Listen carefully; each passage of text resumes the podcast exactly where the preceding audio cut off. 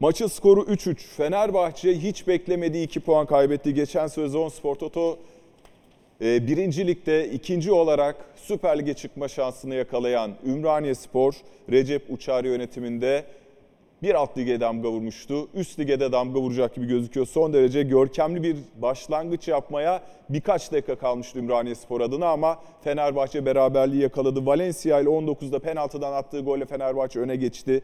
Glumat 29'da beraberlik golünü attı. 45 artı 2'de yine Valencia öne geçirdi Fenerbahçe'yi.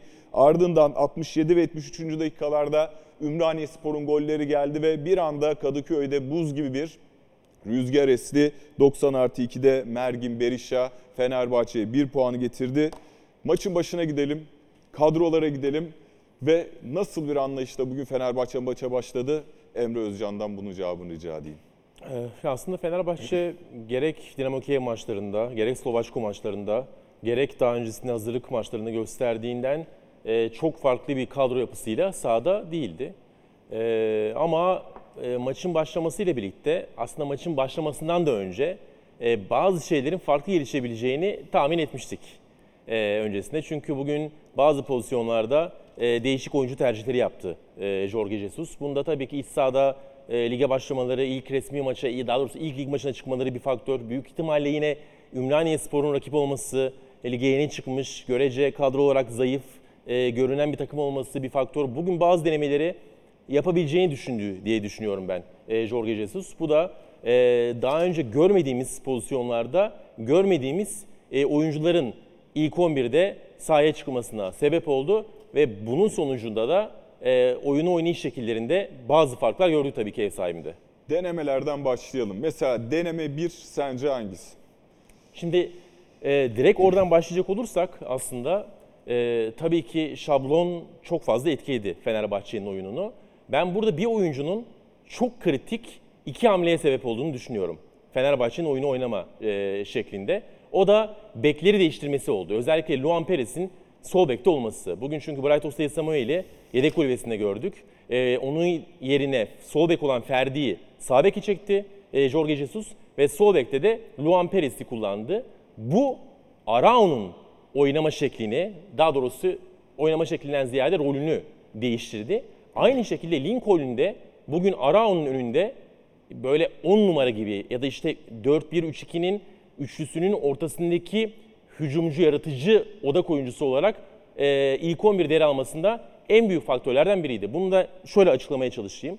Yani hazırlık maçlarında, Dinamo Kiev maçında, Slovaçko maçları, maçında e, gördüğümüz şey neydi Fenerbahçe'de? Savunma önündeki Arao özellikle e, iki stoperin arasına giriyordu. Top Fenerbahçe'deyken. Top Fenerbahçe'deyken. E, sol ön Rossi, işte sağ ön Emre ya da bu e, pozisyonlarda kim oynuyorsa biraz içeri konumlanıyorlardı iç koridorlarda. Evet.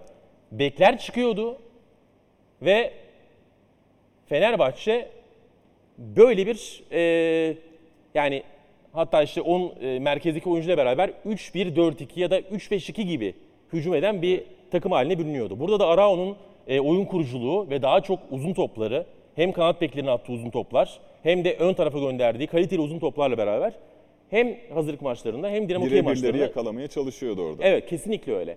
Şimdi e, Luan Perez'in varlığıyla bunu yapmak çok kolay değil. Çünkü eğer sol bekte Luan Perez'i kullanıyorsanız oyunu beklerle genişlettiği için e, Fenerbahçe, Jorge Jesus yönetimi altında. Şimdi Arao'yu kenara savunmaya çekiyorsunuz. Zaten onu üçüncü bir stoper yapıyorsunuz. Üç stoperle geriden oyunu kurarken sol tarafta da oyunu genişleten oyuncu olarak bir stoper daha kullanırsanız e, bu sizin oyun gücünüzü biraz etkiler. Dolayısıyla o yüzden e, Arao'yu bu kez savunma arasına çekmek istemedi e, Jorge Jesus. Dolayısıyla Arao genellikle önde kaldı. İlk yarının son dakikasına kadar. Luan Perez'i stoper karakterli bir oyuncu olduğu için zaten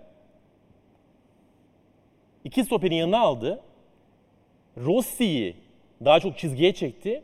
Dolayısıyla Lincoln'le beraber Emre'nin eee, ve özellikle işte Arao'nun da merkezde kalmasıyla beraber 3-1-4-2 bu şekilde oluşturmaya çalıştı. Fenerbahçe'ye ne kazandırırdı sence? Yani neden e, klasik geçen sezondan beri yani iki Murat Samayosa'yla e, Ferdi Kadıoğlu ile oynamadı da Ferdi oynadı ama Perez tercihi neden oldu sence? Bence ya bu Fenerbahçe bir şey kazandırır mıdan ziyade. Kazandırmadı ama Kazandırmada kafasına- kesin ya. Bu maç üzerinde bir şey kazandırmadığını görüyoruz. Zaten 37-38 gibi Arao'yu hemen iki stoperin arasına koydu ve Luan Perez'i çıkarmaya başladı. İkinci yarı başlarken de Arao'yu kenara çekti. Bu bir şey kazandırmasından ziyade yani bu bir şey kazandırır mı bize düşüncesinden ziyade bence burada bir deneme yaptı Jorge Jesus. Dediğim gibi bunda da ilk maç, iç saha, coşkulu bir taraftar, rakip Ümraniye Spor. Ben burada bazı denemeleri yapabilirim diye düşündü büyük ihtimalle. Sezonu erken açan bir takım çünkü e, takımına bir yol mesafe, bir mesafe kat ettiğini düşünüyor. E, burada neyi görmüş e, olabilir? Bir, sol bekte Luan Perez'i görmüş oluyorsunuz. İki, Luan Perez'i iki stoperin yanında tutuyorsunuz. Sol stoper yani üçlü savunmanın sol stoperi gibi oyun kurarken ben de oynayabilir mi onu düşünüyorsunuz, görüyorsunuz. İki, Ferdi'yi sağ bekte görmüş oluyorsunuz. Çünkü Ferdi'ye dair bazı soru işaretleri olduğunu biliyoruz Jorge Jesus'un sol bek için. Oyun, oyunu genişletme, ters ayak, e, prese karşı biraz daha dirençsiz olması, pas açılarının düşmesiyle beraber Ferdi sağ ayakla beraber sağ kenardan oyunu nasıl genişletir bunu görmek istedi. Luan Perez'in 3. stoper olarak iki stoperin yanına eklenmesiyle beraber Lincoln'lu bence Arao'nun önünde 10 numara gibi 3-1-4-2'nin 10 numarası gibi kullanma şansını elde etti. Bugüne kadar bütün oyunlarda Lincoln'lu çok küçük bazı periyotlar dışında hazırlık maçlarında Kanatta kullandı. hep kanatta kullandı. Yani o 4-4-2'nin ya da işte o 4-1-3-2'nin sol kenarı, sağ kenarı oralarda gördük. Çünkü Lincoln'e dair geldiği günden beri şu söyleniyor. Ben de oyuncuyu izlediğimde onu gördüm. Top e, Fenerbahçe'deyken çok yetenekli bir oyuncu, yaratıcı bir oyuncu, driplingi var, güçlü, kuvvetli, duran topları çok iyi kullanıyor. Ama top rakibe geçtiği anda reaksiyon, direnç gösterme anlamında, hızlı bir şekilde direnç gösterme anlamında bazı eksikleri var. Şimdi böyle bir oyuncuyu bu riskli 4-1-3-2'nin 10 numarası olarak e, ilk aşamada arkasında tek bir savunma oyuncusu, daha doğrusu tek bir orta saha oyuncusu varken, tek bir defansif orta saha varken kullanmak istememiş olabilir. Ama arkaya üçüncü bir stoperin varlığıyla beraber bence Lincoln'u de bu takımın, bu arka tarafın kaldırabileceğini düşündü. Lincoln'u 10 numarada görmek istedi. Ama Biraz fa- sanki biraz Ümraniye Sporu hiçbir istediklerini yapamadılar. Ee, Ümraniye Spor buna karşı ne yaptı? Yani dün hatta bu maçı seyrederken de dünkü Antalya Spor Galatasaray maçında Antalya Spor'un defans arkasına Hacı Wright'ın önüne attığı topları konuşuyordunuz Nebil Evren'le. Evet. Şimdi de birkaç denemesiyle yani 15. dakikaya geldiğimizde Ceraldo'nun önüne, Betaib'in önüne atılan toplar var. Bu defans hattı o çıkışlara ne derece tepki verebildi sence? Ee, çok iyi tepki verdiklerini söylemek kolay değil çünkü bence bugün Recep Hoca e, beklenmedik bir şey yaptı. Ben en azından beklemiyordum. Ee, ama kendi açısından mantıklı tarafları var. Benim beklemediğim şey şuydu, önde bastı. Yani Ümraniye Spor sürekli önde baskı yaptı. Mesela çok sayıda e, kale vuruşu kullandı Altay. Kale vuruşlarının hiç kısa çıkmasına izin vermedi. Sürekli e, Betayebi, Geraldo'yu özellikle işte Dele Valle'yi ki Valle aslında solda başladı. Şöyle Geraldo'yu sağ atabiliriz. Bu oyuncuları sürekli önde çıkardı ve böyle kale vuruş kullanırken Altay özellikle bu üç oyuncu arkadaki oyuncularla beraber eee ceza sahası çizgisinin önünde gördük. Kısa kullanmasına izin vermedi. Uzuna zorladı. Ama sadece e, kale vuruşlarında olmadı bu. Yani oyunu kurmaya çalışırken de beklediğinden çok daha önde baskı yaptı Ümraniye Spor. Bunu şu yüzden beklemiyordum. Fenerbahçe'nin çok ciddi bir set oynama sıkıntısı var. Ee, daha doğrusu henüz e, rakip yarı sahaya yerleşip e, o set oyununu, pas oyununu, düşük tempolu, zaman zaman böyle yüksek ritimli pas oyununu oynayabilen bir takım değil. O yüzden derinde beklemesi mantıklı gözüküyor. Ama Fenerbahçe şu anda oyun da kuramıyor. Şimdi zaten burada iki tane soru kendi kendine ortaya çıkıyor. Fenerbahçe derinde bekleyerek ne kadar uzun vadede başarılı olabilir? Hep klasik geçen seneki Galatasaray'ı hatırlayalım. Bekle ve yani proaktif futbol değil, reaktif futbol. Fenerbahçe Evet. reaktif futbol oynamak için mi George Jesus'u getirdi? Sanmıyorum. Yani George Jesus'un da vaatlerinden birisi e, hücum futbolu. Topa sahip olmak isteyen bir teknik adam. E, rakibin ne yapacağını değil, benim ne yapacağım daha önemli bakış açısıyla.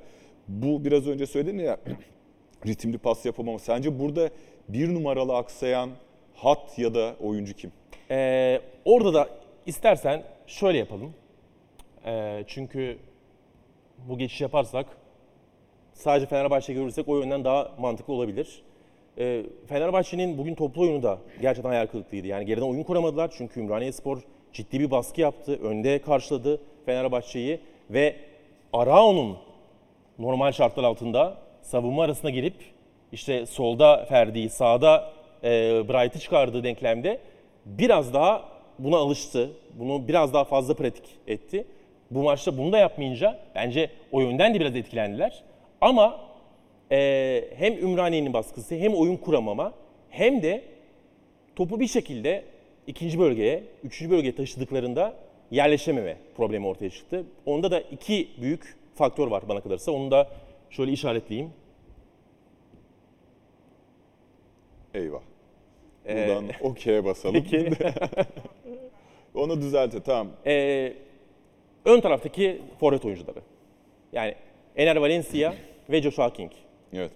Ee, onların yapısı itibarıyla yani o iki oyuncunun e, profilini düşündüğümüz zaman Birbirini besleyen iki oyuncu mu sence? e, birbirini beslemekten ziyade hem birbirlerini beslemiyorlar. Çünkü zaten beslemeleri de çok Aslında beslemekten kastım bir alan açan, sadece pas bağlantısından bahsetmiyordum sen de. E, aynen öyle.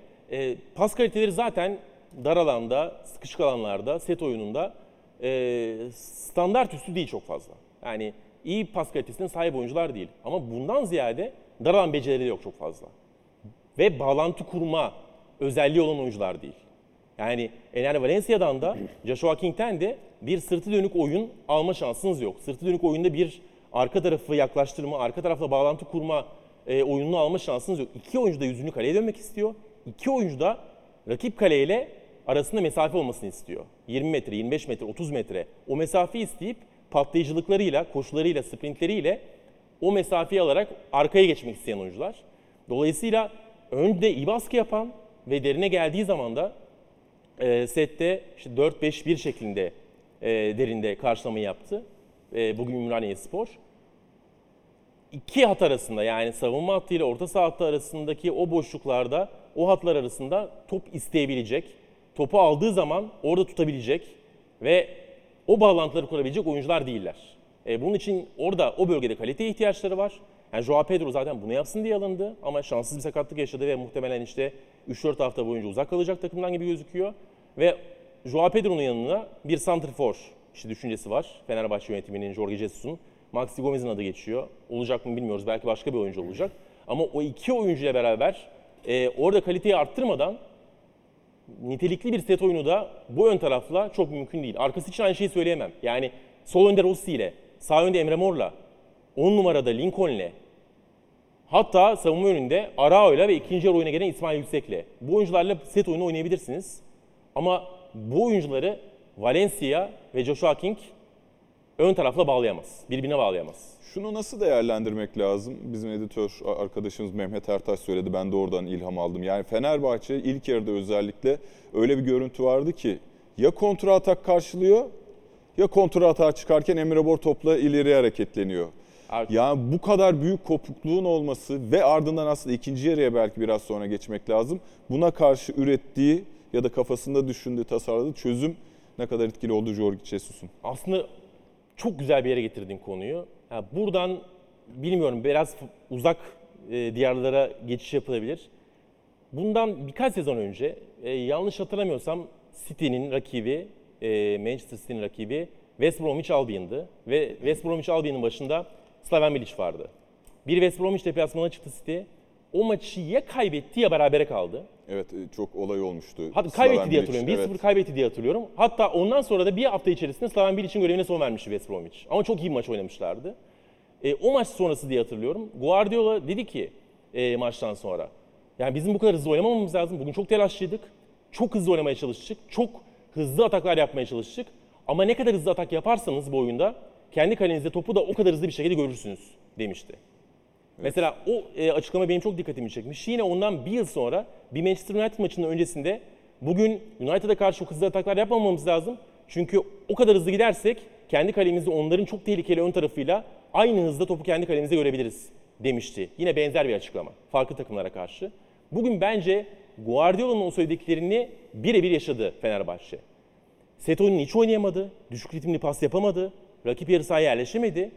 Sürekli hızlı bir şekilde gitmeye çalıştı. Ama ne kadar hızlı gitmeye çalışırsa o topu zaman zaman Ümraniye Spor'un ön taraftaki kontra odaklı oyuncularıyla ki zaten öyle oyuncular. Yani Ümraniye takımı da sadece o kontrayı, o geçiş oyununu ya da o direkt oyun oynayabilecek bir takım. Aynı hızda kendi kalesinde gördü. Ve bu hem ilk yarıda top alamamasını sağladı. %50 ile bitirdi Fenerbahçe ilk Evet. yarıyı topa sahip olmada.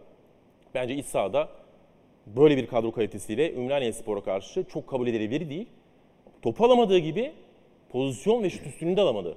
8-7 şutlar. Evet. Yani gittiği kadar o top gerçekten kendi kalesinde eee, bir şekilde geldi. Maçın 45. saniyesinde zaten Ümraniye Spor maçın en net pozisyonunu kaçırdı. Ha- Hatırlarsın yani Luis Gu- Gustavo Henrique'nin arkasına onu da konuşalım. Ama önce bir e, izleyici sorusu var. Tabii. Hiç bekletmeyelim. E, çünkü biraz doğurgan da bir soru. Yani e, alabiliyor muyuz soruyu? Diyor ki izleyicimiz sorusunda Fenerbahçe'de kadro yapılanmasında büyük sıkıntı var gibi hiçbir ihtiyaç transfer edilmemiş gibi duruyor. Bu konuda ne düşünüyorsunuz? Ben tabii önce sözü sana bırakacağım. Ya bu zaten zaman uzun zamandır üzerine konuştuğumuz, herkesin üzerine fikri belirttiği konulardan biri. Yani şimdi bu maçın iç sahada puan kaybıyla bitmesi nedeniyle çok büyük çıkarımlar yapmaya gerek yok. Çünkü şu bir gerçek ki e, özellikle Trabzonspor'u biraz ayırıyorum. Onlar yine kendi oyunlarını oynayarak, çok etkileyici olmadan ama kendi oyunlarını oynayarak Evet. e, net bir galibiyetle başlangıcı yaptılar. Ama Beşiktaş'ta, açılışta, Galatasaray'da dün galibiyetler aldılar ama son dakika, son saniye galibiyetleri ve oyun olarak çok yeterli değildi. Fenerbahçe de aynı şekilde. Ama şunu Biraz kabul daha fazla eder misin? yaşadılar. Kabul- zannediyorum ortak fikirdeyizdir. Galatasaray ki yeni kurulan bir takım olması, olmasına rağmen Beşiktaş geçen sezondan geliyor Valerian İsmail'le. Hani belki bir belirsizlik yaşadı üçlü dörtlü. Ee, Fenerbahçe'de bugün özellikle 3-2 yenik duruma düştükten sonra bakmayın 3-3 oldu ama bir sağ iç belirsizliği, kaosu, kimin gireceği, kimin çıkacağı net bir şekilde belli değil. Ee, Galatasaray'daysa e, neler yapabileceğini daha rahat öngörebildiğimiz bir Okan Buruk ve Beşiktaş'ta da gole ihtiyacı olmasına rağmen daha az panik yapan bir Beşiktaş izledik gibi. Buna buna da- buna katılıyorum. Ee, ve ya bu yönden transfer planlamasına şu açıdan yaklaşılabilir ki bunu da zaten sezon başından beri ya da transfer sezon açıldığından beri konuşuyoruz. Ee, Fenerbahçe biraz fazla transfer yaptı. Bu transferleri yaparken fazla transfer derken özellikle yabancı transferlerini kastediyorum. Çok ciddi bir e, havuz, Fener, yabancı havuzu ortaya çıktı. Kontratlara girerken o kontratlardan çıkmayı şu ana kadar başarabilmiş değiller. Bu da bazı pozisyonlarda gerçekten e, şişkinliği beraberine getirdi. Yani sol öne 4 tane oyuncu yazıyoruz şu anda. Santrfor mevkiine, 2 santrfor mevkiine 6-7 tane çok rahat oyuncu yazıyoruz. Çok fazla. Sağ kenar aynı şekilde. Merkez orta saha aynı şekilde ki merkez orta sahanın zaten bu kadar şişik olması geçtiğimiz sezonunda en büyük yapılanma problemlerinden biriydi. Yani iki koltuk için 7 tane oyuncusu vardı Fenerbahçe'nin elinde. Ve oradan İsmail Kartal'ın işte ideal bir ikili çıkarması, önüne ideal bir oyuncu koyması çok zaman aldı. Fenerbahçe çok zaman kaybetti. Ya şunu kabul etmek lazım herhalde. Yani Fenerbahçe geçen yılın olumlu anlamda mirasından faydalanmayı pek düşünmedi. Yani şöyle düşünmedi. e, Kafasında net bir planı olan farklı bir teknik adamı getirdiğiniz zaman o teknik adamın da temel problemi sorduğunda ilk basın toplantısını hatırlarsın. E, yaratıcılık problemi var deyip hücum oyuncularını işaret etmişti. Doğru. Biz aslında sezon boyunca bitiricilikle ilgili problem var diye düşünüyorduk. Değil mi? Yani Fenerbahçe, Berisha'dan, Valencia'dan, Samatta'dan geçen sezon yoktu ama yeterli katkıyı alamıyor. Dolayısıyla da e, gol konusunda problem yaşıyor. Bu takım bir 9 numara gelirse bütün dertler çözülür düşüncesi içerisindeydi Fenerbahçeliler ama e, yeni gelen Jorge Jesus'un kafasında ba- bambaşka bir yapı yani o yaratıcılık problemini gidermek için bir kere şöyle forvette 5 hücumcusu olan arkada bir tane uzun boylu çapası olan bir yapı gerçeğiyle e, kafasında çalışmaya başlayınca zaten geçen sezonun mirasını siz reddi miras yapıyorsunuz. Çünkü zannediyorum Jorge Jesus'un da düşündüğü bu takımla İsmail Kartal başarılı bir iş yapmış ama bu takım e, doğru yatırımla 200 kilometre hızla gidebilirken e, 250'ye çıkması için yapıyı tamamen değiştirmesi lazım o gerektiğini düşündü herhalde Jorge Jesus ve böyle bir manzara var. Dolayısıyla geçmişin birikimleri de yok ortada. Ee, bu kesin doğru. Ee, ama zaten yani İs- İsmail Kartal'dan sonra Jorge Jesus'a gidiyorsanız, getiriyorsanız bambaşka bir anlayış demek. Bambaşka bir futbol oynayacağı garanti demek. Dolayısıyla İsmail Kartal'ın ortaya çıkardığı 4-2-3-1'in oyuncuların, rollerin, pozisyonların çok fazla önemi kalmıyor. Çünkü kariyeri boyunca başka bir oyun oynamış. O oyunun içinde bazı oyunculara ihtiyacı var Jesus'un. E, bunu bir şekilde muhtemelen yönetimi kabul ettirdi ki bu anlayışını, daha doğrusu transfer istediğini, oyuncu istediğini e, kabul ettirdi ki takımın başına geldi. Ama işte var olan oyuncu grubunun ki dediğim gibi yani geçtiğimiz sezon bile bazı pozisyonlarda çok şişkin e, bir kadroya sahipti Fenerbahçe. Üzerine Jesus'un istediği oyuncuları alıp o kontratlardan çıkmayınca da ortaya bir kaos çıkıyor. Dediğim gibi yani sol kenar, sağ kenar 3-4 tane oyuncu yazabiliyorsunuz. Ön taraf. Yani Mergin Berisha bir süredir sezon başında e, Jesus takım başına geldiğinde gidiyor gibi gözüküyordu. Sonra Jesus e, tutmak istediği beklentisi olduğu belirtildi. Ya Son- da haber aldık. evet sonra yine Mainz haberleri çıktı. Şimdi yine gidemediği için büyük ihtimalle oyuncu o kontrattan çıkılamadığı için takımda kalmış durumda ve bugün e, takımın kurtarması için sahaya giriyor. Şimdi yani zaten bir oyuncu üz- üzerinde bile yani gidiyor, geliyor, gidiyor, geliyor. Ha, bu kadar fazla karar değişimi olursa ya da öyle görünürse dışarıdan Peki Bu bu, çok ciddi bir maçtan problem. nasıl bir ders almıştır Fenerbahçe? İkinci yarıya geçeceğiz oyuncu değişikliklerine ama ya da şöyle diyelim ilk ders şimdi biz devre arası olduğunda şöyle bir önümüze baktık. Fikir jimnastiği yaptık. Bir şeylerin değişmesi lazım. Yani Fenerbahçe kötü oynuyor. Öne geçmiş olmasına rağmen iki sefer e, beklenen futbolu oynayamıyor ve işte biraz önce senin de detaylı anlattığın gibi orta sahada ciddi bir problem var. Biz Arao'nun devam edeceğini ve yanına belki İsmail Yüksek'in ya da Miha Zayt'sın geleceğini düşünürken beklemediğimiz bir şey oldu. Arao'nun yerine İsmail Yüksek girdi ve aynı şekilde Fenerbahçe devam etti. Diziliş ve oyun mentalitesi anlamında. Ee, ne yapılabilirdi peki? Neden böyle düşünmüş olabilir Ee, Jorge Jesus? Muhtemelen bu Arao, Arao'nun rolüyle alakalıydı. Yani Arao ilk 45 dakikanın 35 dakikasını hatta daha fazlasını yani neredeyse 40 dakikasını e, şu ana kadar Fenerbahçe'de gösterdiğinin dışında bir şekilde sahaya koymaya çalıştığı için muhtemelen o yeni, yeni rolünden çok memnun olmadı. Daha çok önde, daha çok böyle Lincoln'un yanında ikinci oyuncu gibi, ikinci merkez gibi arkayı tutması beklenen oyuncu. Çünkü genellikle Arao iki stoperin arasındayken işte 10 numara üçlü savunmanın önüne geliyor ve orada o yaratıcı işleri yapmaya çalışıyordu. Bugün o işi Luan Perez'in sol stopere kalmasıyla beraber Araujo yapması gerekti. Yani aslında toplu oyunda biraz daha fazla kreatif işler muhtemelen beklendi Jesus tarafından. Ee, ve büyük ihtimalle ilk yarıda beklediğini alamadı ondan. O yüzden de bugün sol bekte Luan Perez olduğu için orada bir değişiklik istedi. Belki de. Ee, bunda faktörlerden biri sadece toplu oyun değil. O ilk yarıda çok git gel olması, Ümraniye Spor'un çok fazla kontra, geçiş şansı bulması, e, Fenerbahçe'nin merkezinde işte Arao'nun önünde Lincoln'un olması nedeniyle ve zaman zaman çok yalnız kalması nedeniyle e, Arao tek başına karşı koyamaması o bölgeyi biraz daha dinamik, biraz daha çabuk, biraz daha genç bir oyuncuyla belki ikinci yarıda kurgulama isteğini beraberine getirmiş olabilir.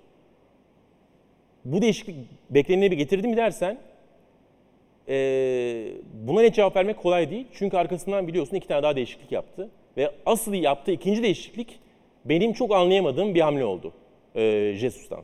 Çünkü 62-63 gibi Emre Mor oyundan çıkardı. 63 60 evet 63. dakika. Emre Mor, Buruma, Valencia, Zayt. Valencia Zayt. Ee, mantık olarak aslında Santrfor'dan bir eksiğimizsiniz gibi duruyor. Ama hayır. Rossi'yi öne çıkardı. Emre Mor'un yerine Bruma'yı aldı sağ tarafa. Lincoln'u sola çekti. İsmail Yüksek'in önünde Zayt'i koydu. Yani biraz daha savunmacı. Bir kenarı atletizmini artırıyorsunuz. Ee, bir kenara daha teknik bir oyuncu koyuyorsunuz. Yaratıcı Lincoln. Ve ortada e, İsmail Yüksek'in önüne Zayt.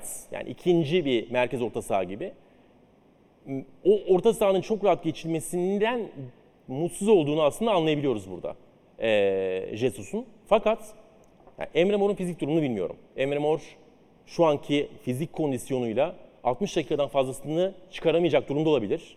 Bundan bağımsız söylüyorum. Eğer böyleyse bir şey diyemeyiz. Ama eğer öyle değilse bu e, bir maç içi bir taktik değişiklikse bence Emre Mor ilk 60 dakikanın e, sorunlu toplu oyun kurgusu içerisinde tek yaratıcı oyuncusuydu Fenerbahçe'de. Evet. Yani Emre Mor'da e, Fenerbahçelileri yani Fenerbahçeliler ilk yarı boyunca Emre Mor oyunda olduğu süre boyunca organizasyon da göremediği için takımdan bir de ilk yarı özellikle gel gitli olduğu için oyun top Emre'nin önüne bir şekilde düşse de bir birebir kalsa da ya da hatta 2'ye 1, 3'e 1 pozisyonlarda bile kalabalıklardan çıkmaya başardığı için Emre Mor'un e, driplinglerine, Lincoln'un potansiyel frikiklerine onun dışında da karambol pozisyonları dışında bir beklentileri yoktu herhalde. Yoktu büyük ihtimalle. Emre bu maçta e, Fenerbahçe'nin oyun kurulumu itibariyle kendisini şu yönden biraz daha özgür ve biraz daha rahat hissetmiş olabilir. E, maçın başında konuştuğumuz gibi yani e, bu Perez'in üçüncü stoper olması nedeniyle oyunu sağdan yine Ferdi'nin genişlettiği ortam, ortamda şöyle alalım Ferdi'yi öne. Rossi normalde içeride kullanması gereken bir oyuncuyken çizgide kaldı. Çünkü sol bek gelemiyor Fenerbahçe'de. Rossi çizgide kalınca Emre Özcan bir ara rica ediyorum çünkü Sayın Ali Koç bir açıklama yapıyor izleyelim. Rekabetin olduğu bir sezon olsun. Nerelere geldiğimiz zaten ortada. Marka değeri olarak, yayın gelirleri olarak, ekonomimiz olarak. Ama hayatta devam ediyor. Bir şekilde bu şartlara ayak uydurmamız gerekiyor. Federasyon da elinden geleni yapmaya çalışıyor. Bugünkü sonuç da beklenmedik bir sonuç senin gibi ama belki de hayırlı bir sonuç. Hem eksiklerimizi görmek için hem uyanmak için Burada öncelikle Ümraniye'yi tebrik etmek istiyorum. Ligimize yeni çıkmış bir ekip ama tecrübeli bir ekip gibi sahada elinden geleni yaptı. Dolayısıyla onun da hakkını vermek gerek. Biz kötüydük. Çok daha iyisini bekliyorduk. Ama şu aşamada panik olacak, endişeye kapılacak hiçbir şey yok. Hatta hayırlı sonuç derken de şunu kastediyorum. Hep böyle birkaç hafta kazanarak başlıyoruz. Ondan sonra sıkıntılı dönem oluyor. Belki de bu sezon beklentilerimiz çerçevesinde bu başlangıç belki de hayırlı bir başlangıç olur demek istiyorum. Ama biz sonuna kadar takımımıza güveniyoruz, hocamıza güveniyoruz. Transferlerin çoğunu yaptık. Bir mevki kaldı. Şimdi elimizdeki fazla yabancıları e, elden çıkarmak için dört haftamız var. Ona odaklanıyoruz. Benim endişe ettiğim hiçbir şey yok. ve özlediğimiz, arzuladığımız son Kiev maçları ikisi de dahil Kırmızı Kart'a kadar. Ondan sonraki maç o, o futbol yerleşecektir.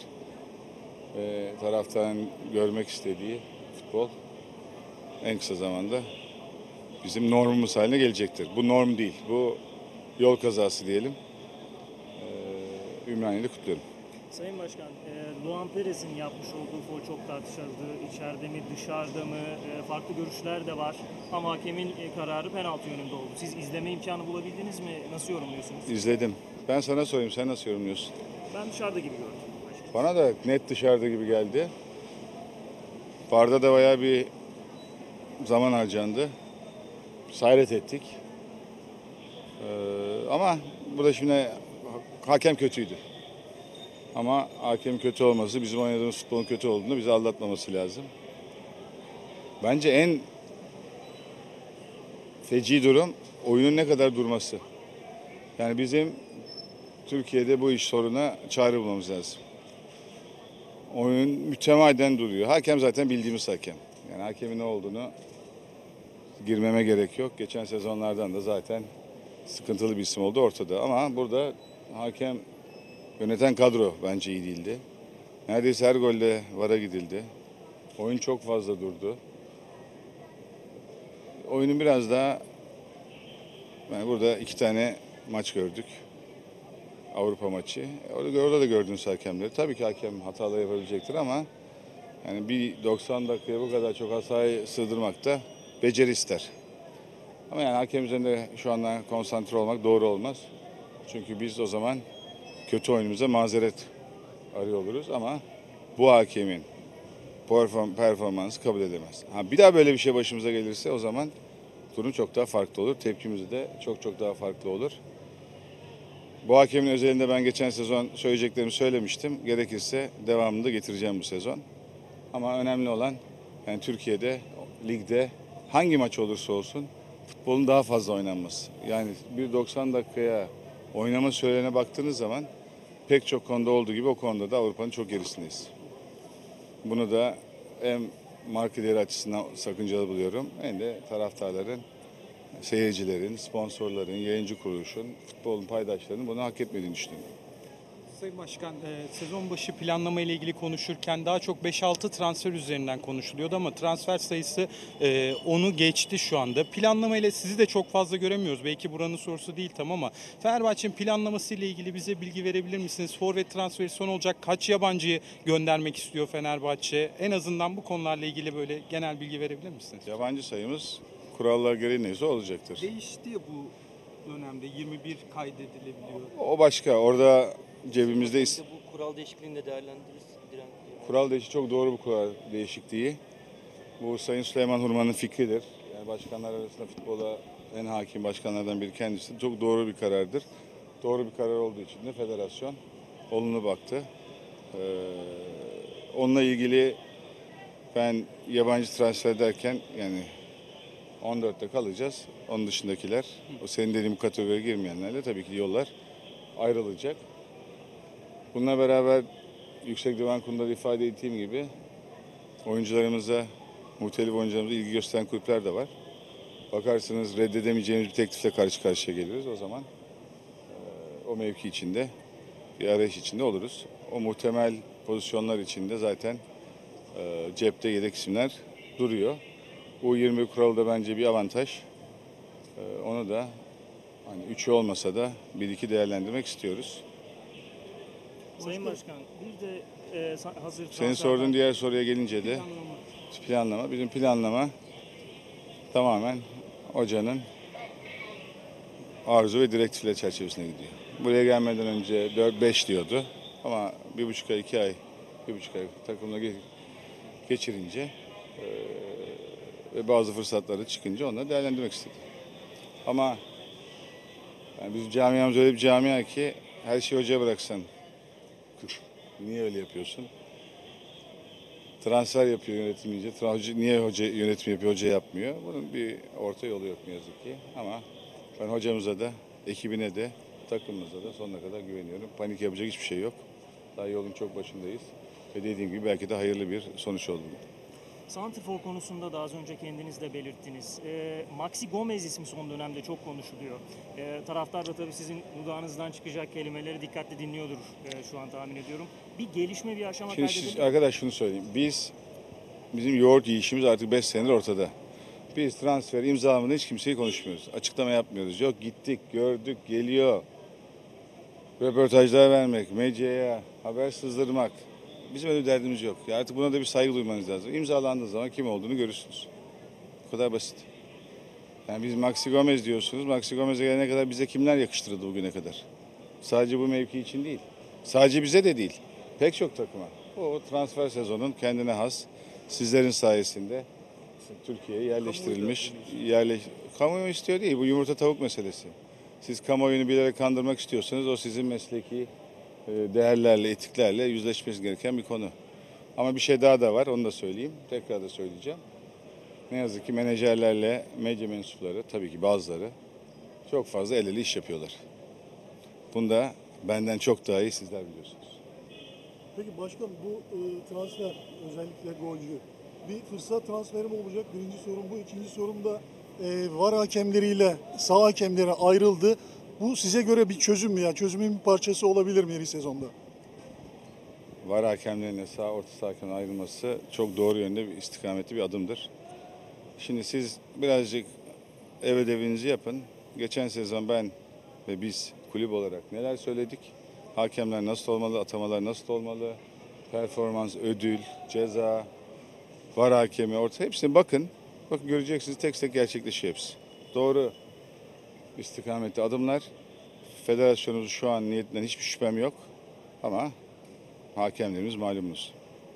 Onlar yani insanda bu konuda iyi niyet olmadığı takdirde istediğin sistemi getir, istediğin teknolojiyi kullan. Arzu ettiğimiz e, hedefe ulaşamayız. Bir de golcü sormuştum başkanım. Fırsat transferi mi olacak? O ne demek? Yani Fenerbahçe şartları, kendi istediği şartlara Mesela- gelmesini bekleyecek. Ee, Birçok ülkede 31'inde e, transfer dönemi kapanacak. 8'ine kadar Türkiye'de devam ediyor. Şimdi arkadaşlar bazen maddi imkanları sınırlıysa istediğinizi yapamazsınız. Forvet pozisyonda en pahalı pozisyonda transfer için. Ama bir gerçek daha var ki Ağustos'un onundan sonra son 20 günü, 21 günü bir de özellikle transferin son haftası, Eylül'ün haftası geçmişte de gördüğünüz, tecrübe ettiğimiz gibi çok farklı şeyler oluyor. Biz de özellikle onu bekliyoruz. Çok teşekkür ediyorum. Size de güzel bir sezon diliyorum. Hepimiz hayırlı olsun. İnşallah biz de siz de emeklerinizi karşısına alırsınız. Sağ olun. Umarım başkanım. Teşekkürler, sağ olun. başkanım. Sayın Ali Koç'un açıklamalarını dinledik. Planlama da soruldu. Ee, hakem de soruldu. Ve e, özetle hakemden memnun olmadıklarını, planlamayı tamamen Jorge Jesus'un istekleri doğrultusunda yaptıklarını, 4-6 transfer, 4-5 transfer düşünürken Jorge Jesus geldikten sonra farklı fikirler ortaya konulduğunu ve fırsat transferleriyle beraber e, sayının arttığını söyledi ve forvet transferi de soruldu.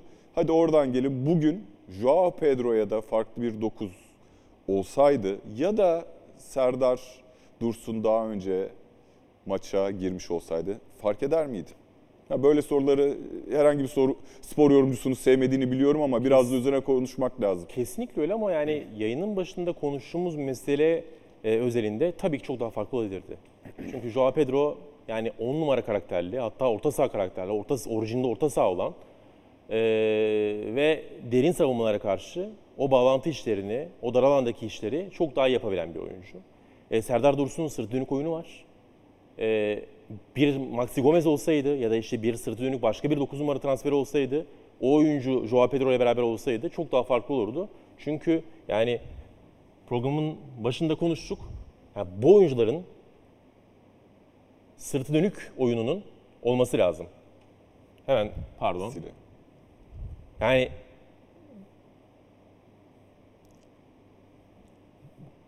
birbirine bağlaması gerekiyor arka tarafı. Yani her oyuncuyu birbirine bağlaması gerekiyor bu oyuncuların. Hiç bağlantı yok hiçbirinde. E, Herkes çünkü yüzünü kaleye dönük Kaleye top dönmek almak istiyor. istiyor. E, öyle olunca yerleşme şansınız olmuyor. Ama Serdar Dursun oyuna da erken girseydi, ilk 11'de olsaydı e, derinde bekleyecek bir takıma karşı çok daha farklı olabilir Peki ki. İrfan Can Kahveci ya da Mert Hakan Yandaş? E, yani Çünkü Mert bu- Hakan zaten tamamen artık denklemden çıkmış gibi gözüküyor. Kolay kolay da o denkleme geri dönebilir mi? E, ondan çok emin değilim. Çünkü dediğim gibi yani üzerine çok fazla oyuncu transferi geldi. E, Mert Hakan'ın oyuncu profili itibariyle bu tarz maçlarda fark yaratma şansı çok fazla yok. Ama dinamik bir oyuncu.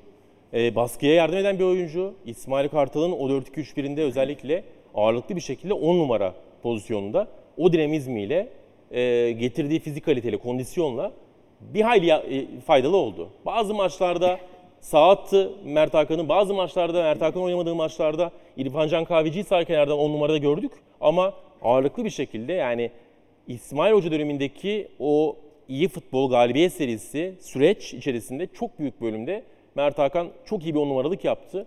Ama şimdi denkleme Arda Güler'in bile yedek kulübesinden şu an için en azından çok fazla giremediği bir ortamda orada Lincoln Enike varken, orada İrfan Can Kahveci'nin oynama ihtimali varken, orada Zayt bile Arao'nun önünde, Crespo bile Arao'nun önünde çok fazla fırsat bulamıyorken Mert Hakan Yandaş'a ben şans geleceğini çok fazla zannetmiyorum. Şimdi biraz da genel itibariyle tabii oyunu futbolcular oynadığı için ister istemez ara ara bireysel performansları tabii konuşuyoruz ama Gerekir. gerekir. Yani bu e, büyük hayal kırıklıkları vardı herhalde sahada. Öncelikle gözünün gittiği noktayı da görüyorum. Gustavo Henrique maç boyunca e, Recep Hoca da orayı oyuncularına itinayla işlettirdi. Hatta biraz önce söylediğimiz 45. saniyede 6 pastan defansın arkasına sarkılması sonucu bulunan bir pozisyon var. Altay Ünsün başarısıyla maçın yani 45. saniyesinden 90 artı 6. dakikasına kadar Gustavo Henrique'nin tarafını işlemeye çalıştı Ümraniye. Bu bize bu oyuncuyla ilgili ne anlatıyor? Ee, Jesus'un ana planıyla alakalı aslında biraz e, problem gösteriyor. Çünkü domine etmeyi düşünüyorsunuz, bazı denemeler yapıyorsunuz, denemeler yapıyorsunuz. Ya bu size rahat bir maç oynayacağınızı e, gösteren hareketler Jorge Jesus'tan. Ama domine edeceğiniz bir maçta sırt dönük bir 9 numaranız yok. Sırt dönük bir forvetiniz yok ana planda. Bu bir e, kısmı işin. Ön taraf problem. Arka taraf Şimdi önde baskı yapmak istiyor Fenerbahçe. önde baskı yapmak için ne olur? Önde baskı diğer oyuncuların yaklaşması lazım. Savunma hattına yaklaşması ki, lazım. Tabii ki. Alanı daraltacaksınız Alanı daraltacak. ki O- o yüzden- nefes alamasın. savunma hattının kendi kalesine 30-40 metre alan bırakması gerekiyor. İşin pres kısmı bu. Oyunu alıp yerleşmek istiyor Fenerbahçe. Oyunu rakip yarı sahada oynamak istiyor. Başaramadı bugün ama e, bunun için ne gerekir? Savunma hattını yine buraya çekmeniz gerekir. Dolayısıyla arkada yine 40 metre alan vermeniz gerekir. Şimdi bugünkü üçlü oyun kurulumu itibarıyla Luan Perez, Attila Zalay, Henrique. Burada çabuk bir oyuncu var mı? Hayır. Yazı, en hızlısı Atilla Salay En hızlısı ya da belki belki Luan Perez. mı diyorsun? Olabilir. Belki. Olabilir. Ee, ama hiçbiri için hızlı oyuncu demeyiz. Demeyiz evet. Bir Kim Min-jae yok. Kesinlikle. Ee, dolayısıyla 3 tane hızlı olmayan oyuncuyla savunma hattını öne çıkartırsanız arkada alan verirsiniz. Presi kurgularsanız o arkada 30 metreyi 40 metreyi verirseniz arkaya atılacak her top sorun olur ve ağırlıklı bir şekilde de Heneke'nin arkasına Hani geçmeye şöyle çalışan derler bir ya Ümraniye teknik Spor gördük. direktörler ya da yorumcular. Yani bu oyuncuların zaten toptan hızlı kimse olamayacağı için çok hızlı oyuncular olsalar bile manevra sırasında zaman kaybedecekleri için esas olanı arkaya e, atılan topu süpürmek değil de atılacak topa engel olmak değil midir? Bu da senin söylediklerini desteklemek için bunu söylüyorum. Tek başına Arao'nun burada Emre, Rossi, Lincoln, Ferdi kim attırmayacak bu topu? Hiç kolay değil. Belki işte İsmail Yüksek'i ikinci yarıda oyuna sokma nedenlerinden biri de buydu. Çünkü kenarlarda çok fazla boşluk veriyor Fenerbahçe. Oralara daha dinamik bir oyuncunun gitmesini ve yani kenarlardaki boşlukları hatta savunma arkasına koşularda belki daha dinamik, daha hızlı bir oyuncuyu tercih ederek o değişikliği yaptı ee, Jorge Jesus. Ama olmadı. Yani Gustavo Henrique'ye odaklanacak olursak ya benim Fenerbahçe'ye gelmeden önce hiç bilmediğim bir oyuncuydu. Fenerbahçe'ye geldikten sonra bir maçını izledim. Yani şöyle bir şey. Tek bir maçta ağır bir oyuncu olduğunu anlayabiliyorsunuz. Anlarsınız zaten. Çünkü yani futbolda tek bir maçta bazı şeyleri anlayamazsınız ama bir oyuncunun ağır olduğunu, bir oyuncunun çok çabuk olduğunu, bir oyuncunun pas kalitesinin çok yüksek Evet. olduğunu anlamak için 15 dakika bile yetebilir. Hele ağırlık, çabukluk bunu anlamak için tek bir maç çok yeterli olabilir. Gustavo Henrique ilk maçını izlediğiniz zaman çok ağır olduğunu gördüğünüz bir oyuncu. Ya Santos döneminde iyi bir çıkış yakalayıp sonrasında geçirdiği sakatlıklar dolayısıyla beklentileri karşılayamamış bir futbolcudan bahsediyoruz. Ve o sakatlıklar muhtemelen e, fizik kalitesini de Ve- biraz daha geriye götürdü. Zaten yani yapı itibariyle profil, e, boyu, posu zaten hızlı bir oyuncu olamaz ama belki o yön- yani yönden, e, o yönden de geriye gitti sakatlıklarla beraber. Son dönemde Fenerbahçe çok özür dilerim devam et lütfen. Yani şey yapmak istemiyorum. E, Gustavo Henrique kötü bir oyuncu demek istemiyorum.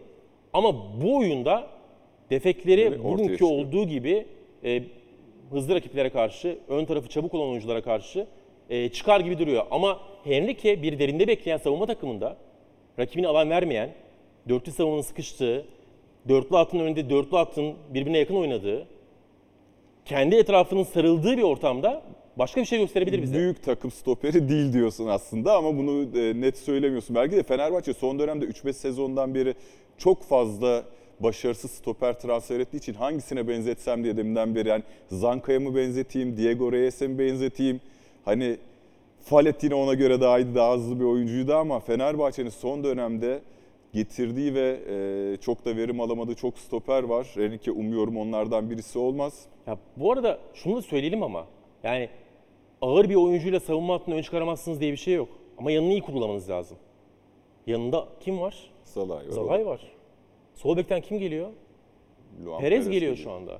Yani eğer Henrique sağ stoperde en- ya da Henrique'nin dezavantajlarını gizlemek istiyorsanız en azından sağına kimi koymak gerekir?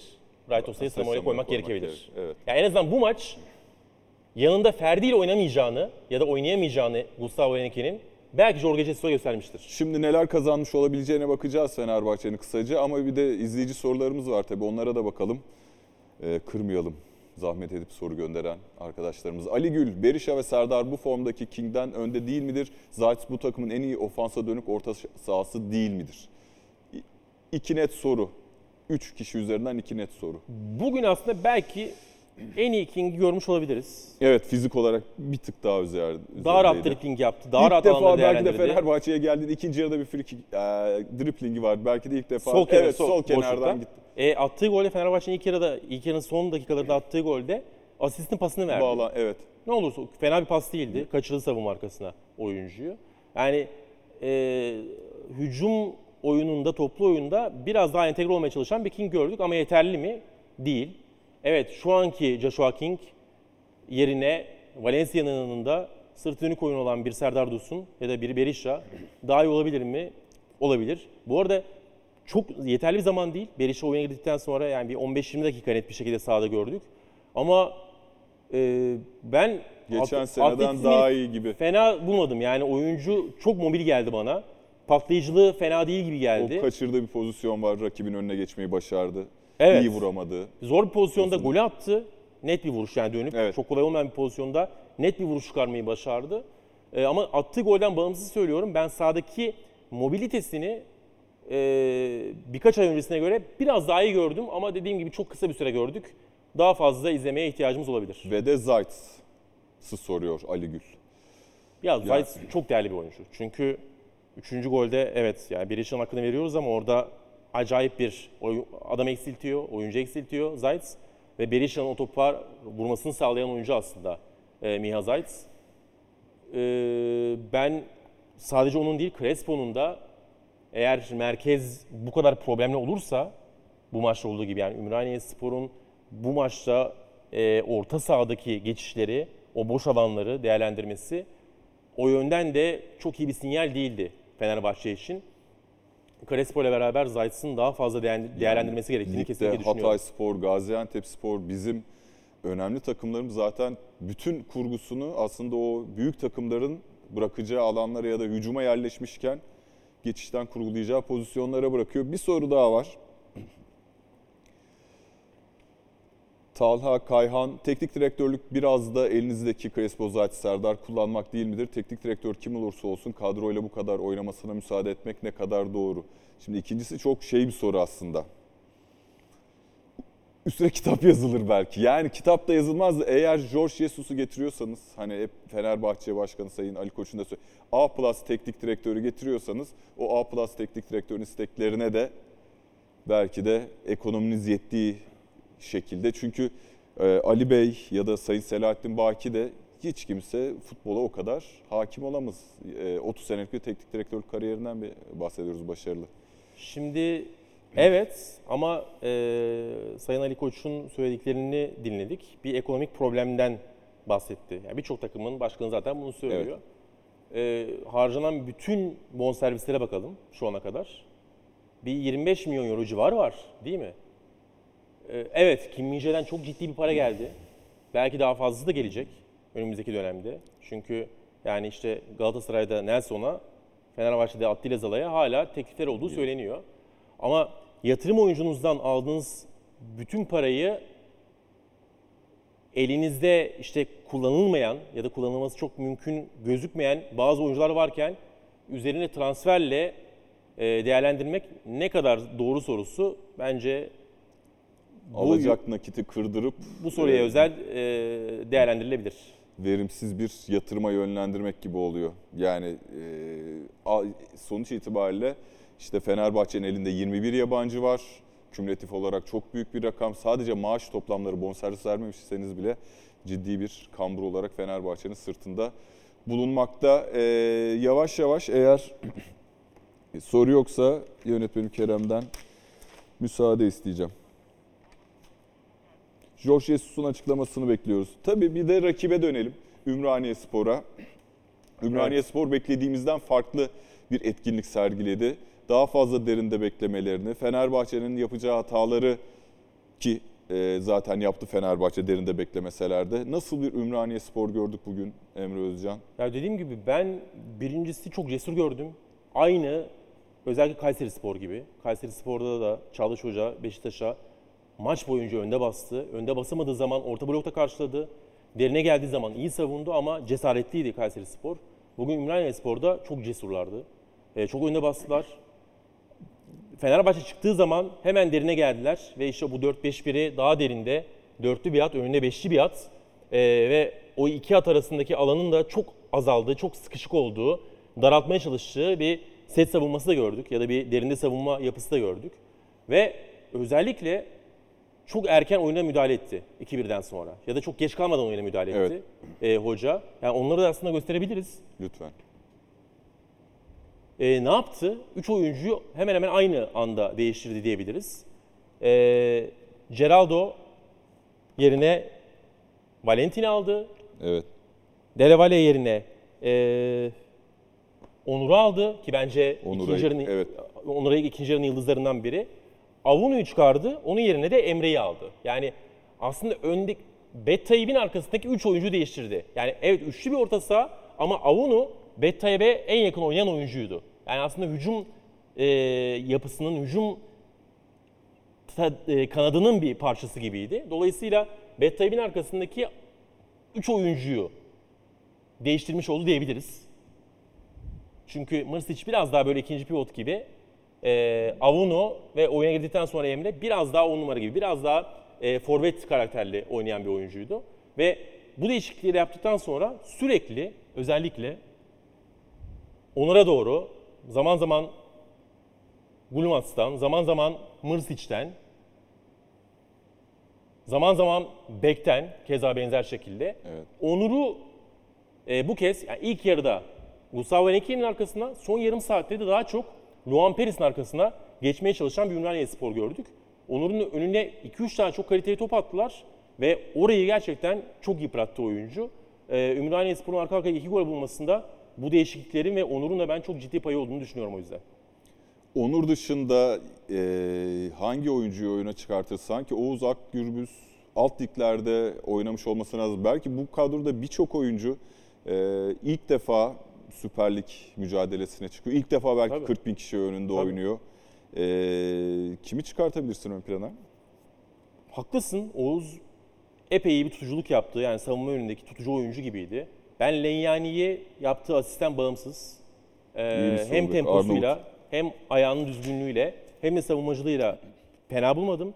Betayep de gerek preste gerek hızlı hücumlarda yani sadece Valentin'in önüne, Onur'un önüne ya da işte oyundan çıkan e, Delevale'nin e, önüne atılan toplarla değil, aynı zamanda santrforunla da çok fazla hızlı bir şekilde, direkt bir şekilde oynamaya çalıştı Ümraniye Spor.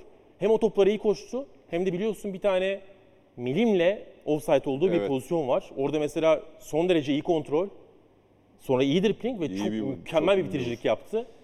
Ee, şansı yanına değildi diyelim. Ama Bettayev'in bugünkü santrforluğu da bence Fenerbahçe deplasmanında oynayan bir yeni zirvelik takımı için e, beklentilerin çok üzerindeydi. Jorge Jesus açıklamaları gelmiş. Normalde takımımız defansif duran toplarda iyi ama bugün istediğimizi yapamadık. Duran toplardaki hataya bağlıyor. Takım şu an istediğim seviyede değil. Ligin ilk maçını oynadık. Hiçbir teknik direktör ligin ilk maçında takımı istediği seviyede görmez. İyi bir yolda olduğumuzu söyleyebiliriz. Ne yaptığımızı biliyoruz. Oyuna sonradan giren oyuncular kalitemizi arttırdı diyor. Katılıyor musun oyuna? Ya Buruma oyuna sonradan girdi ama ben pek oyun içinde etkinliğini görmedim. Zayt aslında evet arttırdı. İsmail Arao'nun yerine girdi ama İsmail de bugün Fenerbahçe'deki bu dönemde iyi oyunlarından biri değil gibiydi. Ee, Serdar ve Berisha, King ve Rossi'nin yerine girdi. Yani Serdar ve Berisha girdikten sonra en azından sırtı dönük topu vücuduna alabilecek ve hatta işte ateş gücünü e, Fenerbahçe'nin yukarı çıkarabilecek iki oyuncusu oldu.